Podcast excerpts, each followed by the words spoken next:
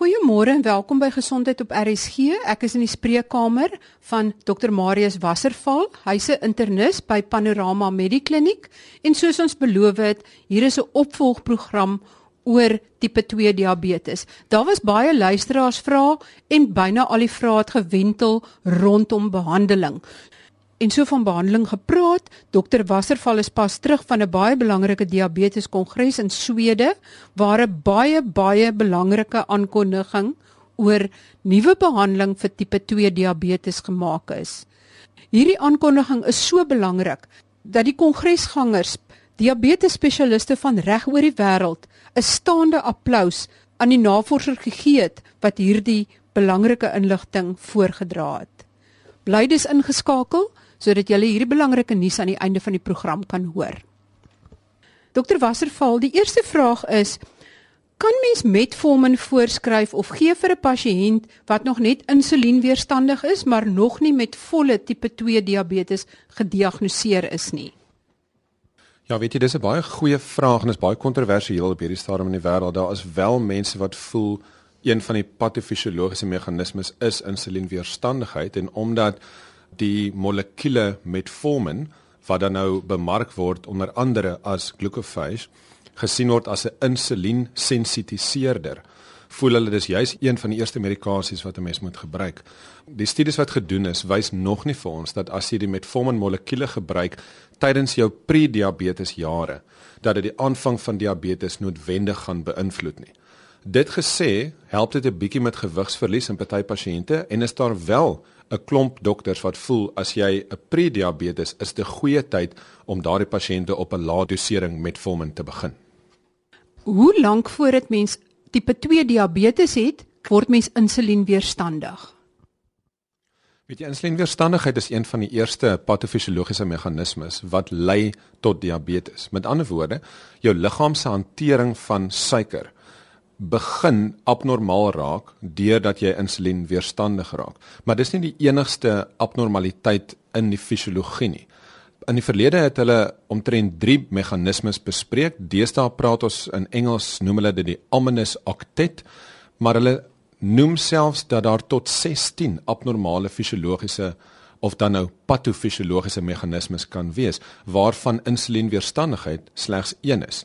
Dis wel goed beskryf dat insulienweerstandigheid begin tot en met 10 jaar voordat jou suiker sodanig verhoog dat jy die drempelwaardes van 'n diagnose van diabetes sal oorskry. Gaan kyk gerus op die webwerf www.rsg.co.za by die artikel tipe 2 diabetes en daar sal so 'n diagrammetjie wees waarna jy kan kyk om die ander faktore te beskou. Hoeveel skade is daar reeds aan jou pankreas en jou beta selle teen die tyd wat mens uiteindelik tipe 2 diabetes diagnoseer? Hulle sê daar's omtrent 50% van jou pankreasfunksie verlore voordat jou suikers hoog genoeg gaan om die diagnostiese drempel van diabetes te oorskry.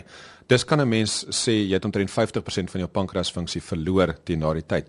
Indien jy iemand dan met tablette sou behandel, sou hulle ook op 'n punt kom waar die tablette nie meer effektief is nie want ons weet diabetes is 'n progressiewe siekte. En teen die tyd dat jou tablette nie meer effektief is nie, mits jy hulle teen voldoende doserings gebruik het, kan jy aanvaar dat jy omtrent 80% van jou pankreasfunksie teen daardie tydperk verloor het. Maar onthou nou hierdie is alles met verwysing na tipe 2 diabetes. Jou tipe 1 diabetes het primêre outoimmuuntoestand wat sy pankreas van die begin af vernietig. So hulle moet van die begin af met insulien behandel word. Terwyl die tipe 2 diabetes ons nog die insulienweerstandigheid kan aanspreek en die insulienvrystelling van die pankreas af kan aanspreek, beide van daardie met pille. Daar kom ook nuwe medikasie wat ons die niere se hantering van glikose sal kan beïnvloed met pille. Maar as die pille dan later nie meer werk nie, dan het jy waarskynlik omtrent 80% van jou pankreasfunksie verloor en op daardie stadium sal ons jou insulien moet supplementeer met inspuitings want jou pankreas kan nie self meer genoeg insulien maak nie. Goed, so op die onderwerp van pille is daar dan inderdaad 'n luisteraar wat vra. Ek gebruik op die oomblik Glucophage 500 mg twee maal op 'n dag en dit gee vir my diarree, maar ek kan ook nie metformin gebruik nie want dit gee my pyn in die bene. Is daar ander medikasie wat kan help? In die eerste plek moet ons verstaan dat die molekuule waarna ons verwys is metformin. So metformin is wat ons noem die farmaseutiese naam, maar jy het verskillende maatskappye wat metformin verpak in hulle pilletjies. Een daarvan is glucophage. So glucophage en metformin is dan eintlik dieselfde ding.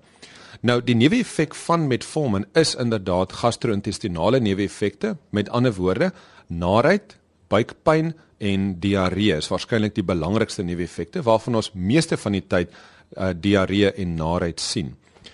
Die gewone metformin is 'n pilletjie wat jy 2 maal op 'n dag gebruik. Die ideale dosering daarvoor is 2000 mg per dag en ons gee dit gewoonlik as 'n 2 maal op 'n dag dosering, met ander woorde 1000 mg 2 maal op 'n dag.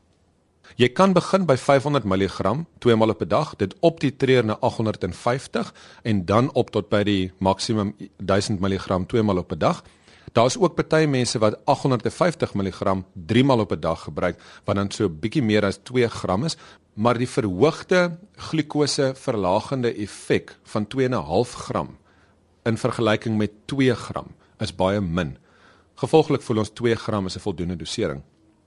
In die verpakking wat met Formin kom wanneer jy hom 2 maal op 'n dag gebruik, is daar 'n bietjie hoër insidensie van neeweffekte. En juis as gevolg daarvan is daar nou 'n Metformin stadig vrystellende molekuule gemaak en dit word bemark onder die naam Glucophage XR. Daardie glucophage hoef jy net eenmaal op 'n dag te drink en dit gee aansienlik minder gastro-intestinale neeweffekte as die 2 maal op 'n dag glucophage of dan nou die twee maal op 'n dag met formin molekuul onafhanklik van watter maatskappy hom maak. As jy kyk na die neeweffekte van medikasie, dan moet jy altyd seker maak dat die voordelige effekte swaarder weeg as die moontlike neeweffekte. In die geval van metformin weet ons daar is gastro-intestinale neeweffekte.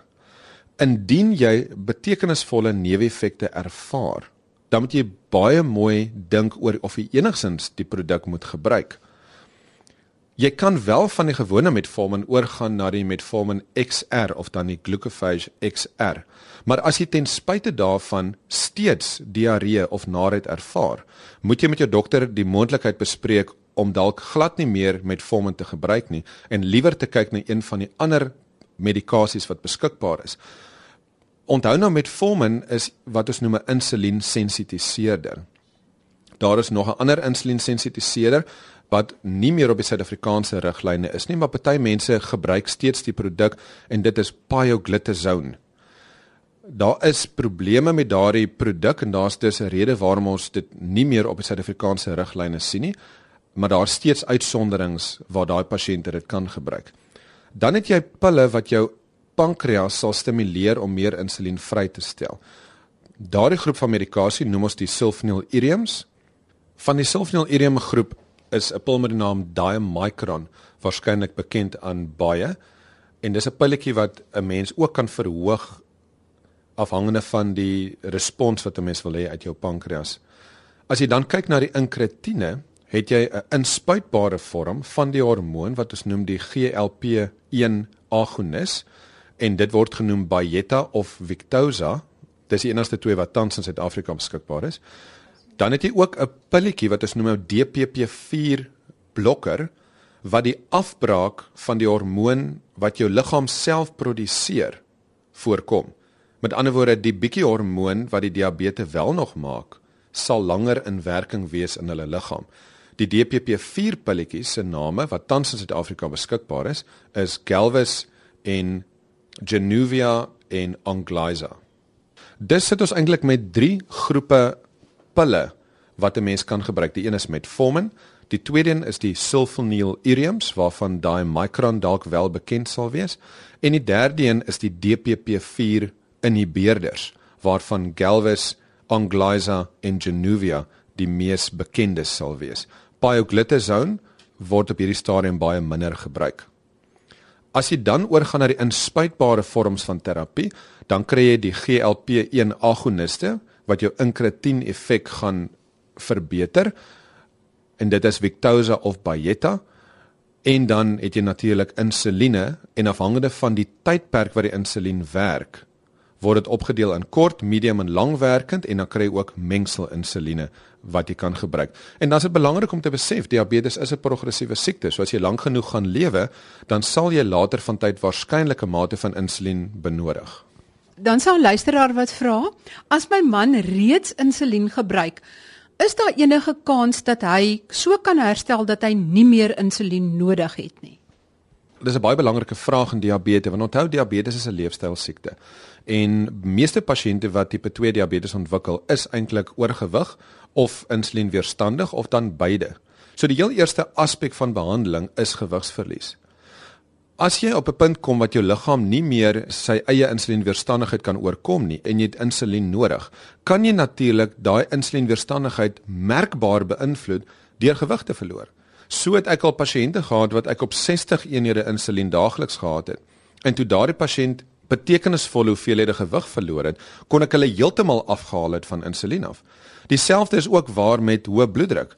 As oorgewig pasiënte op hipertensiemedikasie is en hulle verloor betekenisvol gewig en hulle oefen meer, kan 'n mens ook hulle hipertensiemedikasie aansienlik verminder. Ek het byvoorbeeld 'n pasiënt gehad wat ek op 40 eenhede insulien gehad het en wat op 5 bloeddrukpille was. Na betekenisvolle gewigsverlies, oefening, dieetveranderinge en algemene leefstylveranderinge, het ons geëindig op hierdie pasiënt waar die pasiënt slegs op metformin was en slegs op een bloeddrukpil was. So jou gewig en jou leefstyl speel 'n ontsettende belangrike rol in siektetoestande, risikofaktore en dan die behandeling daarvan. As jy ook gaan kyk na bariatriese chirurgie, dan is dit al bewys dat pasiënte wat bariatriese chirurgie gehad het wat groot hoeveelhede gewig verloor, dikwels ook kan afkom van insulien af. So jy kan definitief met die nodige leefstylveranderinge jou insulienbenodighede of aansienlik verminder of selfs afkom van insulien af. Ja. Maar as mens dan omtrent al 80% van jou beta selle se funksie verloor het wanneer jy tipe 2 diabetes mee gediagnoseer word en jy gebruik insulien, jy verloor gewig, herstel daai beta selle, begin hulle weer te werk of wat gebeur? Op hierdie stadium is daar geen bewyse dat daai pankreas van jou gaan herstel nie. Daar's wel medikasie wat baie opwindend is omdat dit vir ons wys dat daar in dieremodelle verbetering van die pankreatiese beta selle is. Daai medikasie is egter nog nie bewys om werklik 'n volhoubare effek in verbetering van die pankreatiese beta sel te wys nie. Maar onthou nou daai oorige 20% van jou pankreas moet homself doodwerk om die insulien vry te stel om die insulienweerstandigheid in jou liggaam te oorkom. So as die insulienweerstandigheid aansienlik afneem, dan is die insulien wat jou pankreas nog steeds kan maak, moontlik genoeg om jou suiker te kan kontroleer, want die probleem is die insulienweerstandigheid. So deur die behoefte aan insulien te verlaag, help jy eintlik dan die pankreas wat dan nog 'n klein persentasie van sy funksie oor het dat dit dan voldoende kan wees. Is dit korrek? Ja, dis heeltemal korrek. Weet jy, kom ons dink daaraan soos fietsry. As jy teen die opdraande moet fietsry, dan moet jy soveel harder trap want die weerstand waarteen jy moet werk en die gravitasiekrag is soveel meer. Maar as jy op 'n gelykpad moet fietsry of teen 'n afdraand moet fietsry, hoef jy soveel minder krag in te sit om dieselfde spoed te handhaaf. As ons daai selfde vergelyking gaan deurtrek na die pankreas toe, kan ons sê dat as jou liggaam baie weerstandig is vir insulien, dan moet jou pankreas soveel harder werk en meer insulien uitstoot in die sirkulasie in. Maar as jy minder insulien weerstandig is, dan hoef jou pankreas nie so hard te werk nie en is die normale hoeveelhede insulien wat hy maak waarskynlik voldoende om jou glikose metabolisme te kan reguleer. Dankie, dis 'n baie oulike voorbeeld. Dokter Wasserval, watter persentasie van pasiënte met tipe 2 diabetes of insulienweerstandigheid en tipe 2 diabetes dan kan eintlik hulle situasie omkeer deur leefstylaanpassings? Ja, dis 'n baie moeilike vraag om net so te antwoord. Soos ons weet is diabetes 'n leefstylsiekte, maar daar's ook verskeie genetiese faktore tot diabetes. Jy kan definitief jou situasie geweldig beïnvloed deur meer te oefen, gewig te verloor, nie te rook nie, jou bloeddruk te kontroleer, jou cholesterol te kontroleer ensovoorts. En daar is 'n groot persentasie van mense wat aansienlik minder medikasie sal benodig as hulle sou gewig verloor en meer sou oefen. En van hulle is daar 'n groot persentasie, kom ons sê jy's op 20 of 30 eenhede insulien. As jy 10% of 15% van jou liggaamsmassa gaan verloor, dan mag jy dalk agterkom dat jy nie meer insulien nodig het nie. En soos wat jy gewig verloor, gaan jou suikers laer en laer sak en gaan jy jou medikasie moet verminder om te voorkom dat jou suikervlakke te laag val of dat jy wat ons noem 'n hipoglikemiese insident ontwikkel. Dit gesê, weet ons diabetes is 'n multifaktoriale siekte wat nie noodwendig 100% omkeerbaar gaan wees met leefstyl nie, want in die tyd dat jy gediagnoseer word, het daar al so baie water onder deur die brug geloop en so baie dinge het al skeef geloop dat jy nie noodwendig al daai faktore gaan kan omkeer deur net gewig te verloor nie. Jy gaan wel jou uitkoms, jou oorlewing, jou risiko vir hartaanvalle en vir beroertes en jou algemene lewenskwaliteit aansienlik kan verbeter deur gewig te verloor en al die ander leefstylveranderinge aan te bring. Soos wat jy in 'n vorige gesprek gesê het, omdat dit so lank neem vandat daar iets skeefloop met jou suikermetabolisme totdat jou vlakke so is dat jy gediagnoseer kan word daarmee, is dit moontlik dat mens al komplikasies kon ontwikkel het van die abnormale suikermetabolisme. Kan jy net so 'n bietjie meer uitbrei daaroor? Ja, onthou die belangrikste komplikasies van diabetes wat meeste mense van weet is die groot bloedvat komplikasies en die klein bloedvat komplikasies. Met ander woorde, jou oë, jou hart, jou niere en jou voete. En dan natuurlik met die risiko van voete wat afgesit moet word of 'n diabetiese voet wat jy kan ontwikkel en dan die risiko van hartaanvalle en beroertes waarvoor meeste mense die bangste is.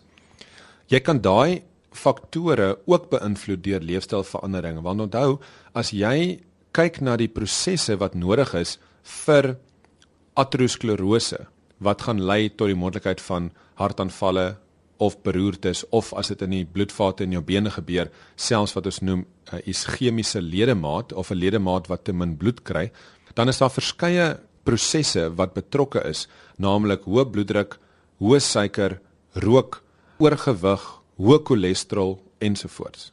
So as jy daai faktore almal gaan aanspreek met leefstylveranderinge, gaan jy jou risiko vir die komplikasies wat kan intree aansienlik verlaag. Alhoewel diabetes op sy eie groot risikofaktor is vir daai komplikasies en alhoewel dit selfs kan wees dat daar 'n mate van komplikasies ingetree het teen die tyd dat jy gediagnoseer word, want ons weet mos nou jou metabolisme is alreeds vir selfs 7 tot 10 jaar abnormaal, kan jy steeds die verdere progressie aansienlik vertraag deur elkeen van die onderskeie toestande te behandel en primêr dan deur jou leefstyl aan te pas deur nie te rook nie, gereeld te oefen en gewig te verloor. Dankie dokter Wasserval. Daar was ook heelwat luisteraars wat gevra het, is dit belangrik dat ek elke dag my glikose vlakke toets? Dit hang af waar jy in jou behandeling van jou diabetes is. As jy uitstekend gekontroleer is, met ander woorde, elke dag wat jy jou suiker toets in die oggend as jy jou oë oopmaak, as jy suikers tussen 4 en 7 en jou 3 maande kontrole toets of 'n toets wat ons noem die HbA1c of die geglikosileerde hemoglobien vlak is onder 7%. Dan is jy uitstekend gekontroleer en jy kan waarskynlik wegkom deur jou suiker 2 of 3 maande 'n week te toets. As jou HbA1c egter nie voldoende is nie, of as jy jouself toets en jy sien jou vaste suiker is nie tussen 4 en 7 nie of jou suikers 2 ure na enige gegee maaltyd is meer as 8 dan beveel ek gewoonlik aan dat pasiënte hulle self meer gereeld toets want ek glo die kennis van jou eie suikervlak bemagtig jou om beter na jouself te kan kyk. So as jy goed gekontroleer is, dan hoef jy jouself nie so gereeld te toets nie, maar hoe swakker jou kontrole, hoe meer dikwels moet jy jouself toets Dokter Wasserval, hoe groot impak het dit of jy nou jou bloedglikose vlakke goed kontroleer of swak kontroleer? Is daar 'n groot verskil in die uitkoms? Weet jy daar's 'n enorme verskil tussen jou goed gekontroleerde diabetes en jou sleg gekontroleerde diabetes. Eerstens in die tydperk wat dit neem vir komplikasies om te ontstaan en tweedens ook in die graad van komplikasies en derdens moet ons ook aanvaar dat diabetes verhoogde risiko's vir allerlei ander probleme het. Ons weet diabetes en hoë bloeddruk en hoë cholesterol hardloop dikwels saam. daarmee weet ons ook dat diabetes geassosieer is met moeiliker gewigsverlies. Ons weet diabetes geassosieer met 'n verhoogde insidensie van sekere kwaadaardighede. Daar's ook baie studies wat bevestig het hoe meer jou glikose vlakke fluktueer van laag na hoog, hoe vinniger ontwikkel komplikasies en hoe erger is die komplikasies. Dit gesê is dit belangrik om te weet dat om net jou diabetes goed te kontroleer, sal jy wel jou oog, nier en voetaantasting in die vorm van komplikasies kan verminder. Maar jy kan nie net jou diabetes kontroleer en verwag dat jy jou risiko op hartaanvalle en beroertes gaan verlaag nie. Daar het jy nodig om al die verskillende risikofaktore aan te spreek. Dus jou bloeddruk moet gekontroleerd wees, al moet dit dan gekontroleer word met pille. Jou gewig moet so naas moontlik aan 'n uh, normale liggaamsmassa indeks wees en jou liggaamsomtrek so naas moontlik aan die riglyne. Jy moenie rook nie. Jou slegte cholesterolwaarde moet onder 1.8 wees. Dis 'n LDL van onder 1.8 en jou suiker moet gekontroleer wees sodat jy 'n 3 maande suikerkontrole toets of 'n HbA1c van onder 7% het. As jy alles reg doen, dan het jy 'n merkwaardige verlaging in jou risiko vir hartaanvalle en beroertes. Maar dit gaan nie jou risiko neutraliseer nie. As 'n diabetes sal jy altyd 'n verhoogde risiko hê vir komplikasies omdat jy die toestand het. Daai risiko sal nooit na 0 toe gaan nie.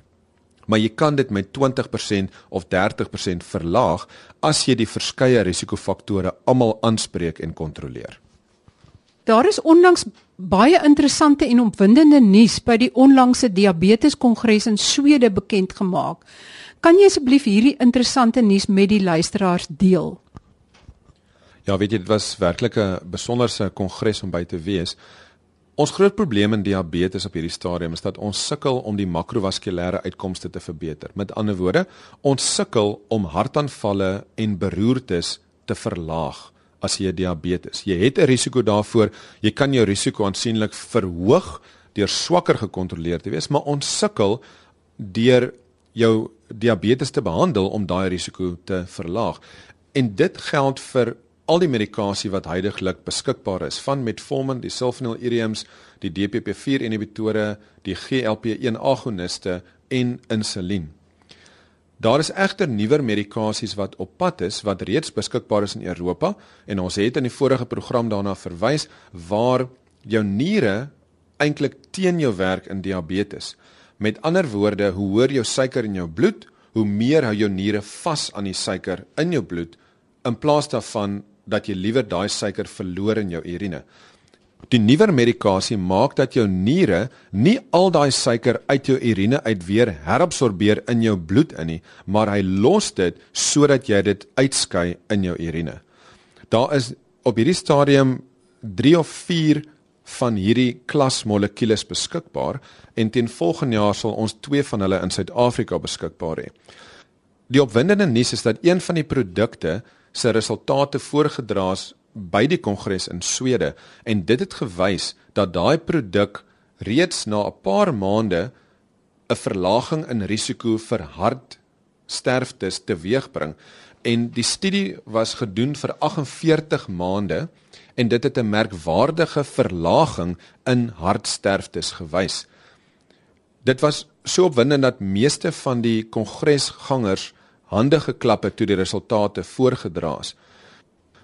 Ons is dus baie opgewonde dat ons van volgende jaar af ook hierdie pilletjies in Suid-Afrika beskikbaar gaan hê wat gemaak het jy baie van jou suiker verloor in jou urine en dit sal dan vir jou 'n uh, betekenisvolle verlaging in risiko vir hartsterftes gee. Sulke goeie nuus is altyd baie baie welkom in die mediese veld en dis baie min moet ek vir julle sê dat enige spreker 'n staande ovasie kry. Ons gesels volgende week oor peptiese ulkus, oftewel maagsere. Tot volgende week dan. Totsiens.